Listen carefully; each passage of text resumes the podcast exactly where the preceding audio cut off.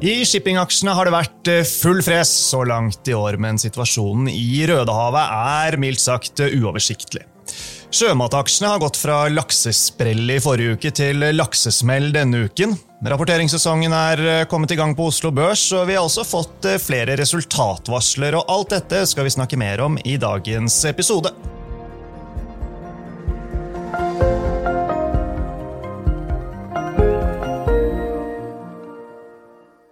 Velkommen til eh, Utbytte, DNB-podkasten der vi forklarer hva som skjer i den globale økonomien og finansmarkedene. Jeg er Marius Brun Haugen, og med meg har jeg aksjestrateg Paul Harper og shippinganalytiker Jørgen Lian. Velkommen, begge to. Takk, Tusen takk. Endelig er det fredag, og eh, ja, det som startet som en kanskje ikke så begivenhetsrik uke, har vist seg å bli ganske så begivenhetsrik. Og vi skal eh, snakke shipping ganske snart, men bare litt sånn oppsummering først, eh, Pål. Altså, oljen har klatret litt denne uken, ligger rundt 81 dollar fatet for nordsjøoljen.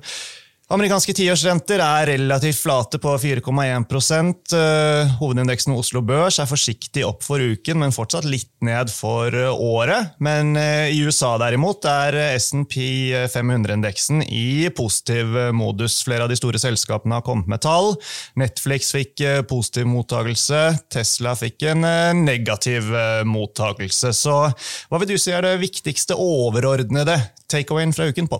Ja, det vi ser Se litt bort fra selskapsrapportene. for Til en viss grad så er det litt vanskelig fremdeles å egentlig begynne å trekke noe og de beslutninger ut ifra helt uh, hva som har skjedd så langt. Det er ikke så mange selskap som har rapportert uh, i Norden. og Vi må kanskje gi det en dag eller to for å se hvordan konsensusestimatene endrer seg. for jeg tror Det er mye viktigere å følge med på hvordan er det konsensus for 2024 ser ut uh, etter at selskapene har kommet med tallene, heller enn hvordan 2023 ble til slutt. For det er i bakspeilet. Det er hva som skjer fremover som er det som er viktig for, for aksjemarkedet. Så Hvis jeg kunne trekke frem én ting denne uken, så vil jeg kanskje si akkurat det med makrotallene. Vi fikk BNP-vekst for USA i går for fjerde kvartal. og Det var mye sterkere enn ventet. Men ikke bare det, så var også inflasjonstallene som kommer med dette. her. Dette er en PCI, som er Personal Consumption Expenditure. Det er det som egentlig Fed har som mål for inflasjon, heller enn eh, CPI, som er kanskje det som ofte får mer oppmerksomhet.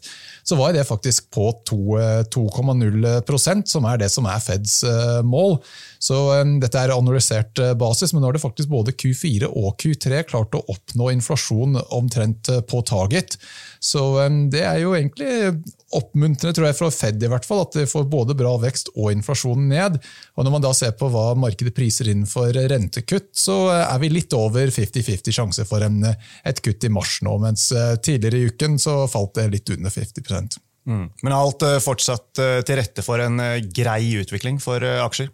Ja, jeg vil si det så langt. Jeg tror liksom, Bevegelsene vi har sett nå de første par ukene, er i større grad egentlig bare en slags reversering av den litt overoptimistiske avslutning vi hadde på året. Så jeg, tror ikke du skal lese altfor mye i det, det, at det har begynt litt, litt svakt i, i, i, Oslo. Så jeg tror man må kanskje heller se på liksom, januar og desember under ett, enn å bare se på januar alene. Ja da. Og Vi skal innom litt av hvert utover i episoden i dag. Vi har fått et positivt resultatvarsel fra flyselskapet Norwegian denne uken. Vi har oppgradert eiendoms sektoren og bygg og anlegg eh, fra undervekt til eh, nøytral.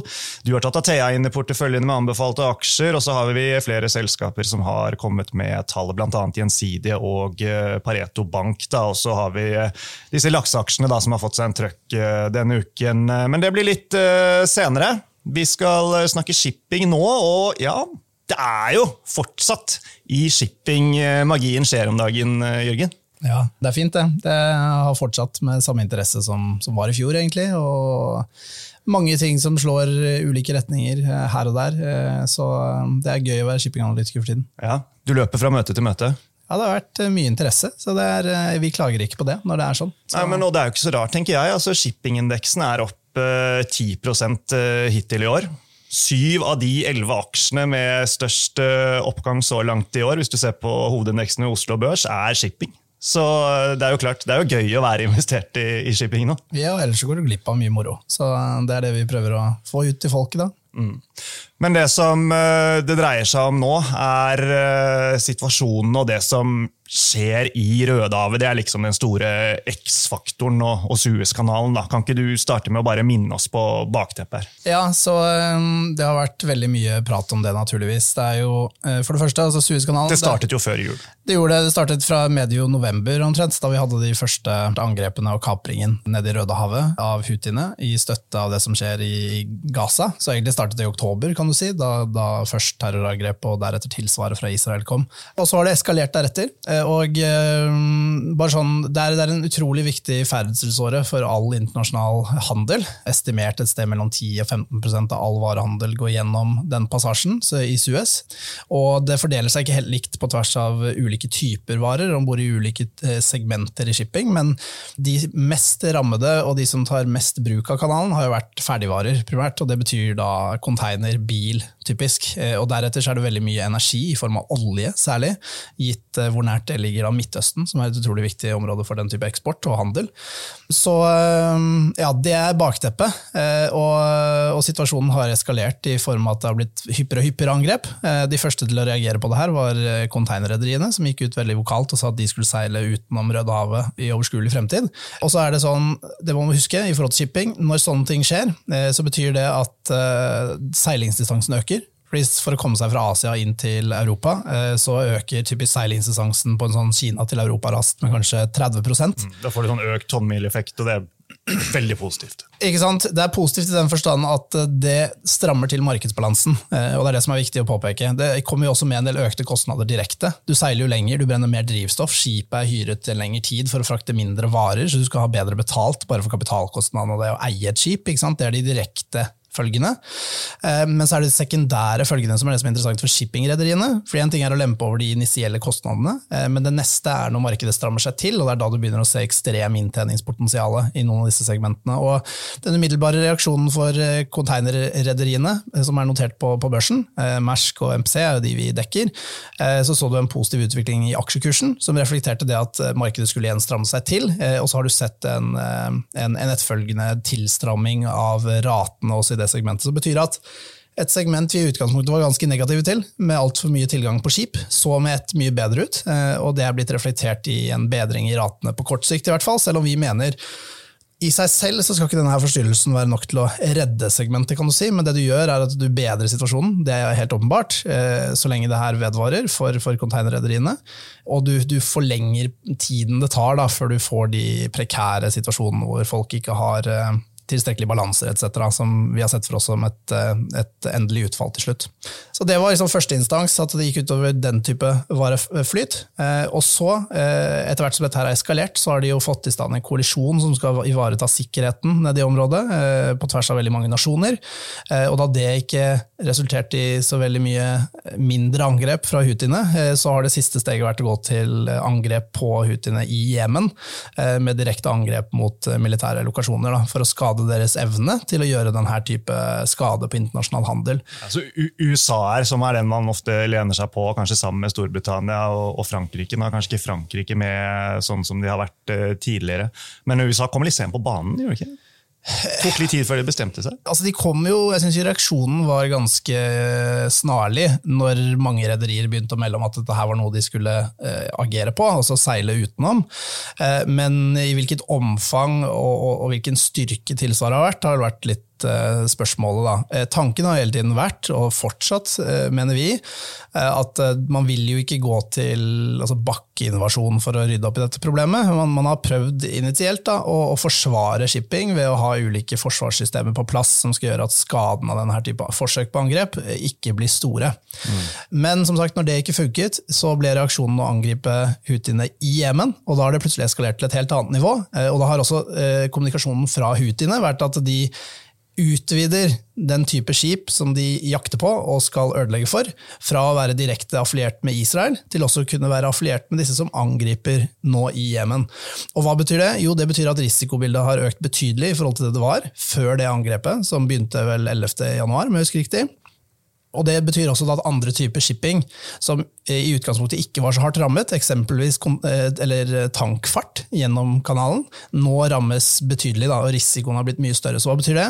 Jo, nå begynner de også å seile utenom. Eh, og så hadde du for en tid tilbake at eh, tre toneangivende rederier, Hafnia, Torm og Stena Bulk, som alle driver med produkttank, gikk ut og kommuniserte at de ikke skal seile gjennom Rødehavet fremover. Og det har ekstreme effekter, fordi mens du så det at ratene bedret seg betydelig i container, mener, så var det i utgangspunktet et veldig slapp markedsbalanse. Det var altfor mange skip. Eh, det var overkapasitet, betydelig overkapasitet. Dette velger selskapene selv, at til hvert enkelt selskap om de vil seile gjennom eller ikke? Til en viss grad. altså Motivasjonen for shippingrederiene er jo åpenbart at det er positivt på markedsbalansen. Eh, så du har jo en egen interesse i det, eh, men det må jo være legitimt. ikke sant? Men det er der det har vært litt ulik forhold mellom kunden eh, og skipsreder eh, i hvor mye du er i stand til å agere på det her på kort sikt. Så For oljefrakt for eksempel, så var det veldig få av kundene som ville akseptere det, og derfor ble det ikke noe av. Før det nå ble et endret risikobilde. Mens for container, som du kan si gir en større sånn logistikktjeneste, heller enn en sånn A til B-type shippingkontrakt, eh, så er det kanskje litt mer rom for å reagere på dette umiddelbart. Da. Men uansett, for store forskjellen av container til, til, til, tank, det er at i tank så har du en ekstremt stram markedsbalanse allerede. Så bare marginale endringer i etterspørselsbildet etter shipping eh, kan få store følger på ratebildet. Eh, og når du ser disse skipene begynner å omdirigeres utenom Rødehavet, så har du allerede sett at eh, tankratene, særlig på produkt, da, eh, har virkelig begynt å skyte i været. Eh, og det kan være begynnelsen på noe eh, som varer veldig lenge, og gir enormt inntjeningspotensial for rederier sånn som Hafnia, da, eksempelvis. Og også Frontline, som nyter godt av at de også har en del eh, produkttankskip, selv om de primært sett er eksponert mot råoljefrakt. Mm. Og så vil det vel få forskjellige utslag for uh, forskjellige uh, rederier, uh, alt ettersom hva slags uh, eksponering de har, f.eks. på kontraktssiden. Um, spot versus hva de har låst inn på, på lange avtaler. Ja, det kan du si, men i tank generelt så er det veldig mye spot-orientering. Mm. Eh, så, så, det her vil nok slå gjennom for de aller fleste. Men i første omgang så er det produkttankrederiene som nyter direkte godt av det. Også kjemikalietankrederiene, som vi eh, har sett som en eh, veldig god eh, altså, type tankshipping-eksponering inn i 2024, eh, skal nok nyte veldig godt av det her, eh, på samme måte som produkt. Det er jo derivater av det samme, mer eller mindre. Ja, ikke sant? Av disse syv eh, aksjene som er på topp 11-listen eh, sånn avkastningsmessig hittil eh, i år, så finner vi bl.a. Stolt-Nielsen, Frontline og Hafnia. Altså er, er, oppgangen man har sett i aksjene, reflekterer på en måte det, den nye hverdagen? Altså er det, er det fortjent? Altså At, at det har kommet oppgang, er fortjent. Men det som har vært veldig spennende å observere fra, fra vårt Eh, ståsted, eh, er hvor raskt du reagerte i aksjemarkedet på f.eks. disse containerrederiene, eh, og hvor veldig raskt du knyttet paralleller til den forrige oppsykelen som var i etterkant av pandemien, der hvor det konteinermarkedet tok helt av, tror vi da. Og Da så du en umiddelbar reaksjon i aksjene, mens hvis du ser på tankaksjene, så har de ikke gått i like stor grad, har liksom vært vår tanke. Og Særlig når du da vet at vi mener implikasjonene av det her på tank skal være mye mer alvorlig Eh, og sånn sett tilgodese rederiene eh, på en mye større måte i tank enn det det vil kunne gjøre i container på sikt. Og Derfor så vil jeg si at nei, du, du ser fortsatt en betydelig sånn oppsideopsjonalitet Eh, i disse tankrederiene på Oslo Børs, eh, hvor de ikke reflekterer at det her skal vare nevneverdig lenge. Og Det gjør det heller ikke i forward-markeder, kontrakter etc. enda. Eh, men som sagt, når, når situasjonen nå har tilspisset seg, du begynner å snakke om bakkeangrep inn i Jemen etc., så ser det her ut til å være en situasjon som kan vedvare en stund. Men på det, det ble jo nevnt i dag tidlig at det var en Reuters-artikkel hvor det var noe snakk om at kineserne hadde jobbet litt i bakgrunnen med å putte press på Iran om at Iran skulle hindre fremtidige angrep, fordi det her begynte å gå utover kineserne. Og hvis det her blir et sånt diplomatisk spill hvor eh, også Kina kanskje til dels også Russland på et eller annet tidspunkt, kommer på banen og prøver å få Iran eh, til å slutte eh, å bidra i denne kampen som Houthiene driver med, så kan jo det få en ganske radikal endring i, i, i hvordan denne situasjonen er per nå, som er veldig uoversiktlig. Mm. Men det er i hvert fall bare lett å tenke, syns jeg. da, og Pål, du må jo bare også eh, spille inn her, men at når dette har gått da fra å først ramme eh, en del av shipping, til å ramme mye bredere i shipping. Og så vet vi jo hvor viktig shipping er for uh, verdenshandelen. Så har vi ikke egentlig da kommet til et punkt hvor at uh, nå kommer USA og kanskje et par andre vestlige land til å sette ned foten og si at dette går ikke lenger. Fordi shipping er viktig. Mm. Det må fungere. Jeg tror det er veldig mange som reagerer på at en liten milits eh, skal kunne holde eh, verdenshandelen for, for, gissel på mange måter, eh, over lengre tid. Men det er et godt poeng det du sier. altså Den umiddelbare reaksjonen på at containerrederiene tilpasset seg denne situasjonen, det var kanskje ikke så ille. Det var litt sånn der, gyllen eh, balansegang for houthiene, kanskje. At de fikk veldig mye oppmerksomhet ved å forstyrre containerrederiene som var i et slakt shipping-marked og altså det er ikke så en fryktelig prekær situasjon i totaliteten i kostnadsbildet for shipping. Eh, men tanken vår har også vært det når det her begynner å altså, da spre seg inn til energishipping eh, og begynner å true energisikkerhet eh, og en del andre sånn politiske elementer, og du ser også hvor sensitivt det er til kostnadsbildet på energi når det her begynner å se på andre typer shipping enn container, så er det klart at det vil få en mye mer, altså mye vidtrekkende effekter da, på den totale Kostnadsbyrden er veldig mye spørsmål vi får. Hvilken, eh, hvilken eh, betydning har dette for inflasjon, eksempelvis, eh, og sånne ting. og tanken har, så lenge det har vært container, egentlig, så har det vært håndterlig. Men hvis det her brer seg om til energishipping, så plutselig er vi i en helt annen situasjon. og Da er jeg helt enig med deg, da tror jeg virkelig at du begynner å vekke noen krefter som ikke har vært så interessert i å løse situasjonen tidligere. Ja.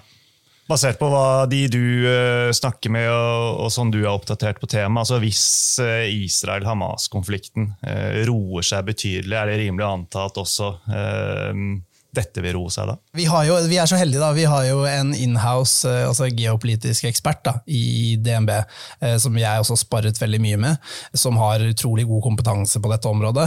Audun Vik Kolstad? Eh, stemmer. stemmer. Eh, og han, eh, han, har i hvert fall tegnet et bilde for meg som, som, har gitt det litt mer nyanser. Det er ikke så enkelt som at houthiene støtter Hamas som sådan. Altså, de er vel heller indirekte koblet gjennom affiliering med Hizbollah og Iran, heller enn at de har noe direkte assosiasjon til Hamas. sånn sett.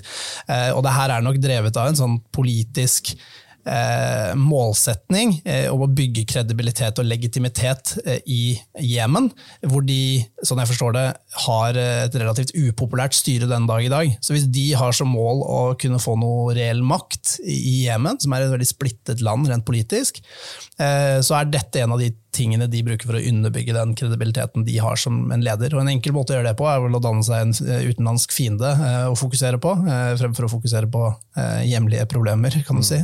Ja, nei, og får Vi jo si, sant, vi vet jo ikke noe mer enn noen andre om hva som kommer til å skje videre her. Men basert på uh, sånn verden ser ut i dag, er det fortsatt attraktivt da, å være eksponert mot uh, ganske mange deler av uh, shipping? Er det det du sier? Ja, vi er generelt Alt er ikke tatt ut? Vi er generelt ganske positive. Altså, Abre er kanskje container hvor vi ikke er så veldig positive. Ja. Det, det har, altså, der har det skjedd veldig mye, og det markedet er forferdelig. Men det som fanger deg uansett i eksempelvis tank, er at du har et eh, et underliggende marked med utsikter på lang sikt som ser bare utrolig bra ut. Så ja, det her er kortsiktig krydder i den forstand. Og det er jo litt viktig her, Pål. Dette snakket jo vi om tidligere uken når vi hadde en oppdatering med DNB Norge-forvalter eh, Eivind Vedding, Og det er jo det Jørgen sitter og sier nå, at eh, det som har skjedd med at dette også nå begynner å treffe tank- og, og bulksegmentet, i hvert fall tanksegmentet, det er jo at her kommer du jo allerede inn med en uh, ordrebok som er uh, veldig hyggelig. Da. Det, er, det, er ikke, det, er, ikke, mange nybygg sammenlignet med hva det har vært uh, før i pipen. Er det ikke sånn det er, Jørgen? Jo, jo, det stemmer det. Så det er det som er uh, den positive spinnen her, er at du har veldig mye oppsideopsjonalitet på kort sikt. fordi ratebildet, altså det, ratene, altså det, er ingen grunn til at ikke et stort produktangrep skal kunne tjene 200 000-300 000 dollar dagen. Altså, det er mm, helt tenkelig scenario hvis det er noe som skulle vedvare. Eh, og Det sier noe om hvor sinnssykt det er, for da begynner det å generere helt sprø kontantstrømmer i disse rederiene. Og Det er veldig lite som skal til for å dra det opp dit, mens det er ganske mye som skal til for å gjøre dette helt forferdelig. Nettopp pga. den ordreboken du snakker om. Og Det er det som gir deg den tryggheten i å gå inn her, fordi det er såpass mye oppsideopsjonalitet. Eh, mens det langsiktige utsiktene er gode også. Og Dermed så mener vi da at er, eh, oppsiden ikke er fullt ut reflektert i, i kursene. Du var jo inne på dette, men Er det noe fare for at man kan undervurdere kostnadene hele denne situasjonen i Rødehavet vil ha for uh, hvert enkelt av rederiene? Ja, jeg syns det er særlig, altså særlig interessant i, i, kanskje opp mot bil, eksempelvis. Som også var i samme situasjon som tank. Veldig, tank, eller veldig stram markedssituasjon før det her skjedde. Og de har også omdirigert veldig mye av skipene sine rundt Afrika. Da snakker vi type Høg Autoliners, uh, Wilhelmsen osv. Mm, stemmer. Uh, og de har, det har vist seg historisk at de har større vanskelighet enn containerrederiene ved å lempe over kostnadsøkningen i sånne her situasjoner til sluttkunden. Eh, så Det kan jo faktisk bety at i det korte bildet så tærer det noe på marginene i de selskapene, eh, mens det, hvis det vedvarer, på lang sikt skal gi enda bedre grobunn til å fornye rater på høyere nivåer og sånn sett bedre inntjening. Men de fleste av disse rederiene har jo lange kontrakter som det er, eh, og dermed så får du ikke den umiddelbare oppsiden i at spotmarkedet skulle stramme deg til. Fordi du har rett og slett ikke kapasitet til å ta noe spotvolum uansett, særlig når du begynner å seile rundt Afrika. Så der er det en fare for at kostnadene ikke klarer å skyves over på kunden. Mens i en del mer sånn uh, råvareorientert shipping, så er det vel altså da er det veldig forstått at både bunkersregning forsikring og kostnader til forsikring etc. Det, det lemper man videre. Og der burde ikke det være et like stort problem. Da. Mm. Men ok, uh, enden på visa. Um, dette her kan uh, fortsette å dra ut, og det ser positivt ut, særlig for produkt- og tankershipping. Ja, det er vel konklusjonen. Mm. Mm. Bra, det. Hva er spørsmålet da, Pål? Er du overbevist av Jørgen her? Ja, nei, Vi har jo Stolt-Nielsen i ukesporteføljen. og Det er jo nettopp eh, det at det er en aksje som vi, vi liker egentlig uavhengig av hva som skjer i, i Rødehavet, så har du dette som en uh, si, bonus. Føles litt kanskje feil ord å bruke, men det, er noe som uh, i hvert fall gir en uh, kortsiktig oppside utover det som du kan kanskje si er det, det mer underliggende, som allikevel gir veldig god støtte til, til, aksjen. Så jeg synes det er et spennende case. Normalt sett så er tank noe som kanskje ikke er så spennende akkurat tidlig på året. Det har et visst sesongmønster i, i tank, og da blir det gjerne noe som kanskje si at det er litt, litt, unormalt å være veldig positiv til sektoren akkurat nå, men da, etter hvert som du får sesongmønsteret med deg senere på året, så er det også noe som kan eh, bidra til å gi et ytterligere løft senere. Og eh, bare på det, da, apropos kjemikalietank og Stolt-Nielsen. Vi, vi syns Stolt-Nielsen ser helt fantastisk ut. og eh, Noe av grunnen til det er at det er litt utenfor normen av hva veldig mange som ser på shipping, egentlig ser på. Det er liksom litt mer industrialisert på den måten.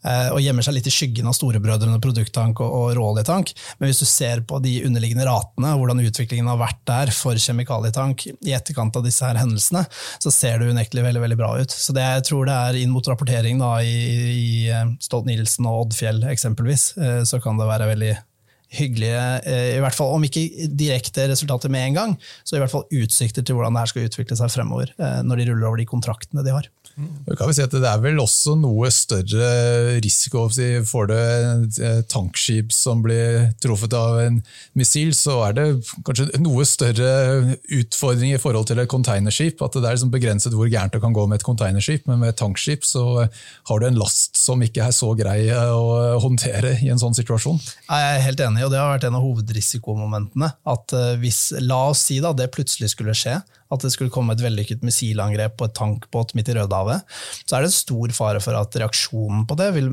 kanskje måtte være eh, til og med å sette opp en blokade og, og forhindre at folk seiler gjennom området nettopp pga. den type risiko. Eh, og da kommer man i en situasjon hvor også råoljetank kunne vært påvirket. fordi per i dag så er det stort sett russiske, eh, altså skip med russisk last om bord som går sørover gjennom kanalen og til asiatiske land, eh, som er den primære råoljefrakten i området. Og de har vel egentlig fått litt carte blanche også av Houthiene til å fortsette det. Men det spørs om ikke den internasjonale responsen til en sånn hendelse nede i Rødehavet ville være å forhindre at det skulle skje igjen, og dermed å stenge av kanalen. Som ville få et enda mer dramatisk utfall enn det vi ser i dag. Da.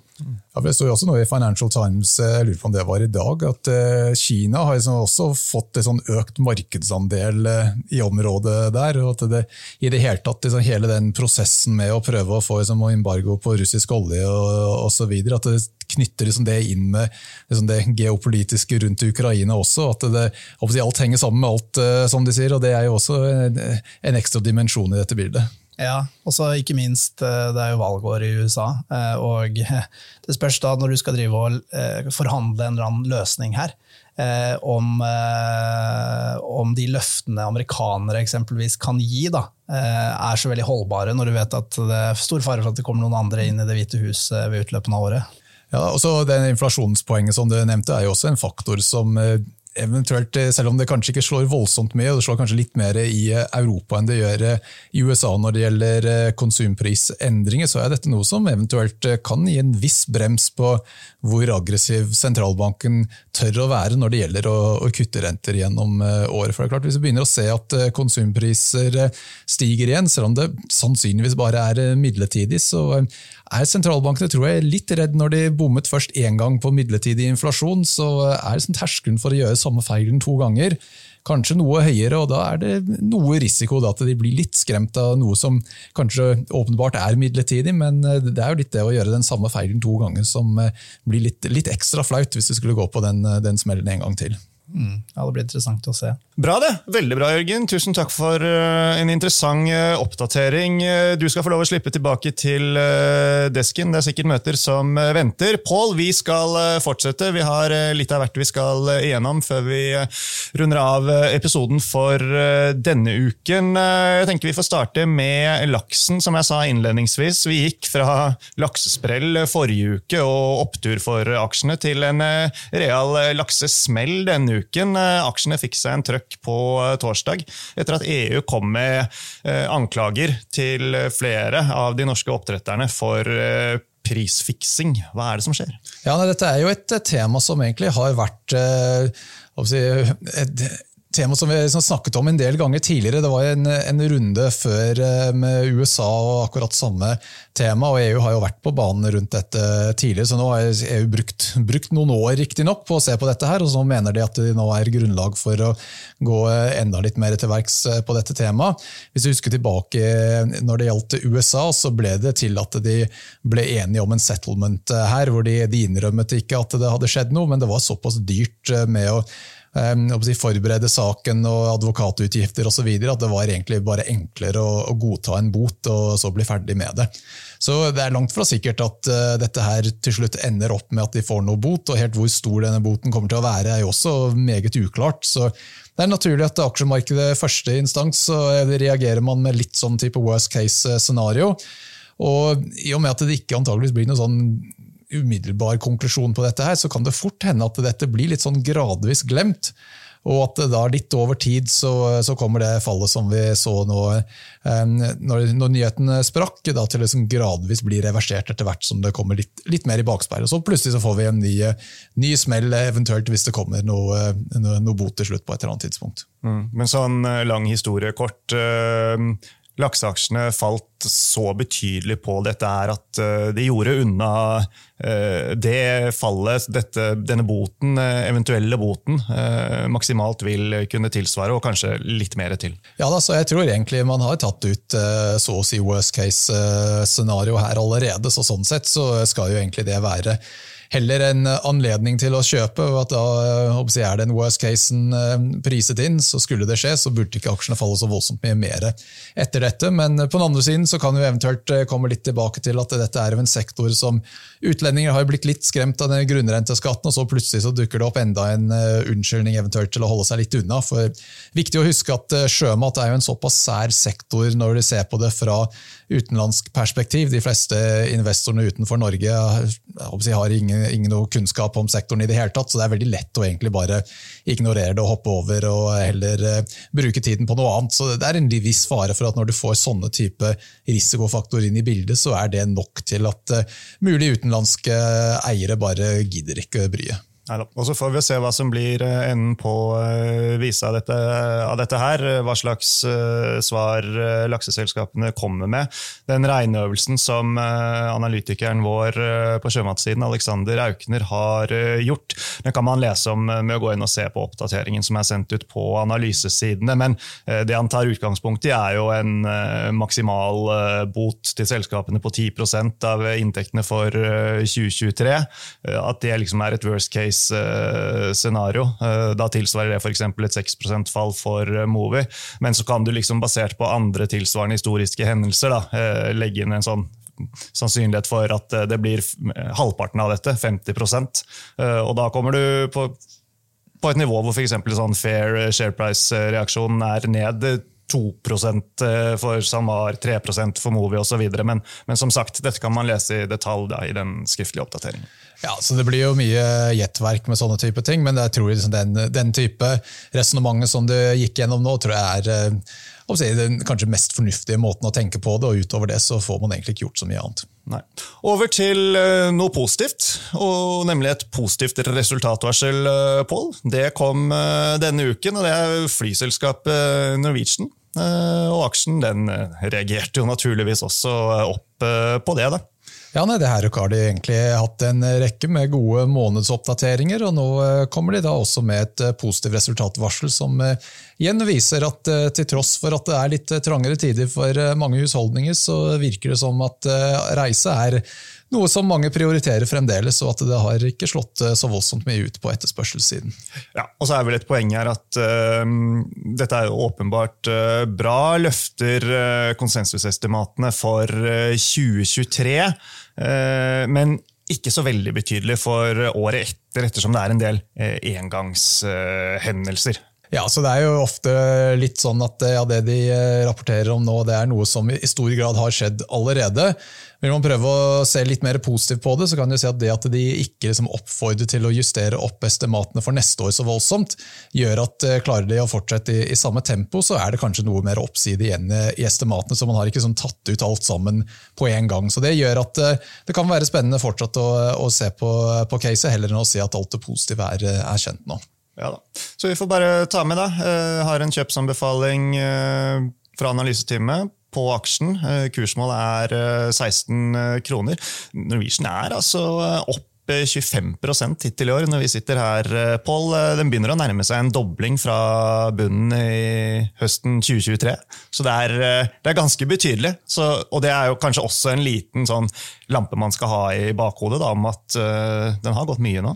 Ja, det er jo absolutt uh, et viktig poeng å få med deg. At uh, det er et volatil aksje, og det kan være veldig hyggelig når det går i, en positiv retning. Men så, de siste dagene da, så har jo oljeprisen kommet litt opp nå, så Det er jo noe som eventuelt slår litt på kostnadssiden. så Det har ikke bare vært etterspørselen som har vært kanskje bedre enn mange ventet. Du har også fått en del hjelp da, både med oljepris som har kommet noe ned, så det blir blir billigere drivstoff. og Det er liksom den dyreste eller største utgiften de har. og Så har de også fått litt hjelp med at eh, kronekursen har styrket seg eh, noe. så eh, Det er et par andre faktorer som de egentlig ikke har noe si, evne til å kontrollere selv, som også har gått i en, en positiv retning. Så Når oljeprisen kommer litt opp, da blir det kanskje sånn at den oppjustering, eller videre oppjustering i estimater blir kanskje noe tyngre enn det har vært i det siste. Mm.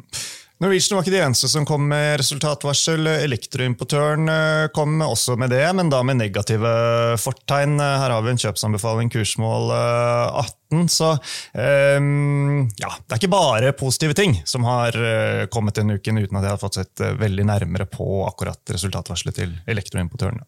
Nei, så det er jo litt sånn Når vi sier at vi har vært overrasket over hvor sterk etterspørselen har vært eh, for Norwegian, så har vi da, jeg, i motsatt ende av skalaen, så er det ikke alltid for eh, type retail som har gått eh, like bra.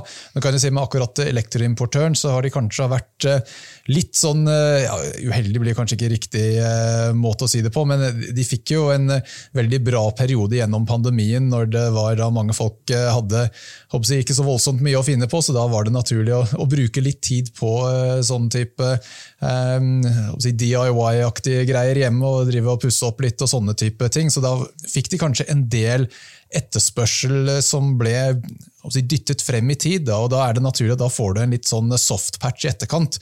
Og så Hvis du da kombinerer noe, både en litt soft patch som er en timing-effekt fra, fra, pandemien, med at i tillegg så har, uh, har mange litt dårligere råd, det skjer litt mindre aktivitet innenfor uh, kjøp og salg av eiendom, så er kanskje at det er ofte mer vanlig å pusse opp kanskje etter at man har nettopp kjøpt et eller annet. At det har liksom flere sånne faktorer som egentlig har trukket i en negativ retning samtidig som uh, da gjør at du får såpass forskjell i utviklingen på elektroimputør og Norwegian, til tross for at begge to er til en viss grad i hvert fall sammenheng med husholdningens disponible inntekt. Mm. Vi får også nevne at vi har oppjustert både eiendom og bygg- og anleggssektoren til nøytral denne uken. Her har vi jo ligget i undervekt lenge, flere år.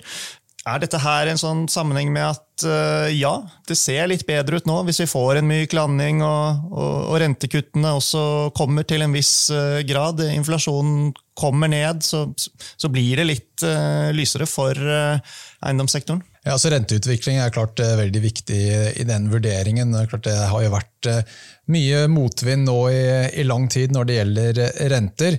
Og aksjemarkedet er jo eh, noe som alltid skal prøve å se fremover, så selv om det rentekuttene har ikke kommet enda, så begynner man liksom prise det inn et stykke på, på forhånd. Så jeg tror det, det, å være litt mer nøytralstilt til sektoren virker eh, absolutt eh, fornuftig. Det er mulig at det er litt for tidlig med å bli direkte positivt, for det er klart det tar jo også litt tid fra rentekuttene kommer, før du eventuelt oppnår nok finansiell headroom til å begynne å starte opp nye prosjekter osv. Så, videre. så det kan godt hende at liksom ett kutt er ikke kanskje nok til at det plutselig kan skru på en bryter eh, der, men det er i hvert fall sannsynligvis gjennom det verste. og Da blir det naturlig at det er en del pent up demand. at Det har vært veldig lite aktivitet i lang tid. så Noe, noe sånn ketsjupflaskeeffekt eh, blir det nok etter hvert. Ja da, og Som lytterne våre vet, eh, sektoren, eller sektorene fikk jo en, en veldig hyggelig eh, positiv reprising eh, mot slutten av 2023. Eh, ja, så Jeg har allerede fått en del medvind rundt dette. her, så det er jo litt sånn Utfordring for investor nå er liksom, var det litt, litt, for mye, og så skal det ha en ytterligere periode med konsolidering før det eventuelt kan få et nytt, ny bevegelse oppover.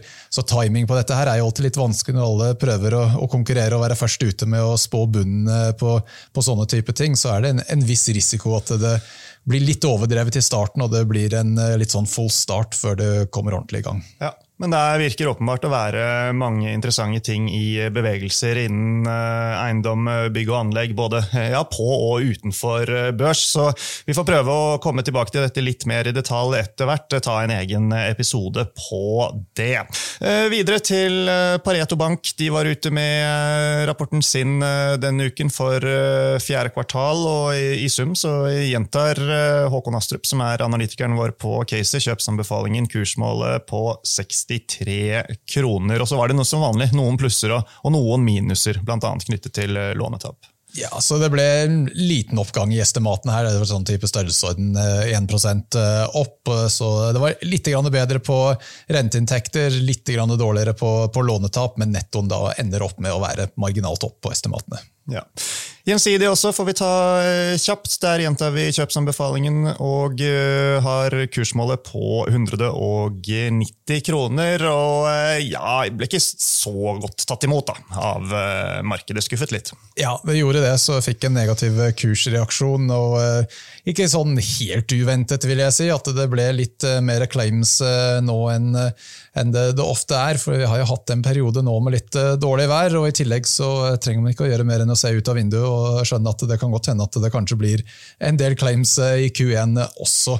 Vært busser, og, busser som sklir og oversvømmelser uh, osv. Det har vel, har vel, vi alle sett uh, bilder av. Så ja, som du sier, at, at det kommer litt. Det, det, men det bør vi også være innbakt i aksjekursen, bør det ikke det? Ja, altså, jeg tror I stor grad så er det nok det, og til den grad det blir si, mer, mer utgifter på sånne type ting, så uh, har forsikringsselskapene vist seg å være veldig flinke til å skru opp eh, prisene. og De fleste av oss er eh, litt for late til å gidde å drive og bytte leverandør med, med jevne mellomrom, og det blir jo utnyttet av disse selskapene. Så de har veldig bra pricing power, stort sett. Så, sånn sett så blir det jo aldri liksom, de, noe katastrofale tap i et kvartal, for de har jo da sånn reinsurance, så det er et, et tak på hvor mye de kan tape i ett kvartal, og jo, jo, dårligere det går ett kvartal, jo mer skrur de opp prisene fremover. Så, sånn sett så er det ikke noe sånn voldsomt dramatikk i dette her, tror jeg. Bra, det. Eh, vi nærmer oss eh, slutten i hvert fall eh, av de temaene vi hadde tenkt til å snakke om i dag. Pål, shipping fikk mye oppmerksomhet, men det er jo riktig når tingene er som de er. Jeg har jo lovet dere lyttere fra forrige episode at vi skal ta et dypdykk i oljesektoren, og det kommer i en egen episode til uken, så følg med. Jeg har pratet med oljeanalytikeren vår, Steffen eh, Evjen, som har tatt en gjennomgang av eh, både det overordnede for sektoren og så gått gjennom hvert enkelt av eh, oljeaksjene. Sist, men ikke minst, for også minne om at vi har sendt ut to episoder knyttet til hvordan makroanalytikerne våre vurderer de økonomiske utsiktene, så oppfordrer alle til å høre på de, om dere ikke allerede har gjort det. Vi er kommet til veis ende. Tusen takk, Pål, for eh, at du var med. Takk til eh, Jørgen, som eh, var med og bidro om det som skjer innen shipping. Og sist, men ikke minst, tusen takk, folkens, til alle dere som hørte på.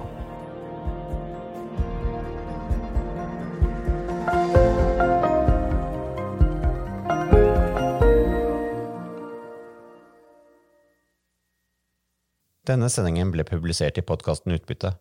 Innholdet i sendingen er å anse som markedsføringsmateriale fra DNB og er ment å være generell spareveiledning.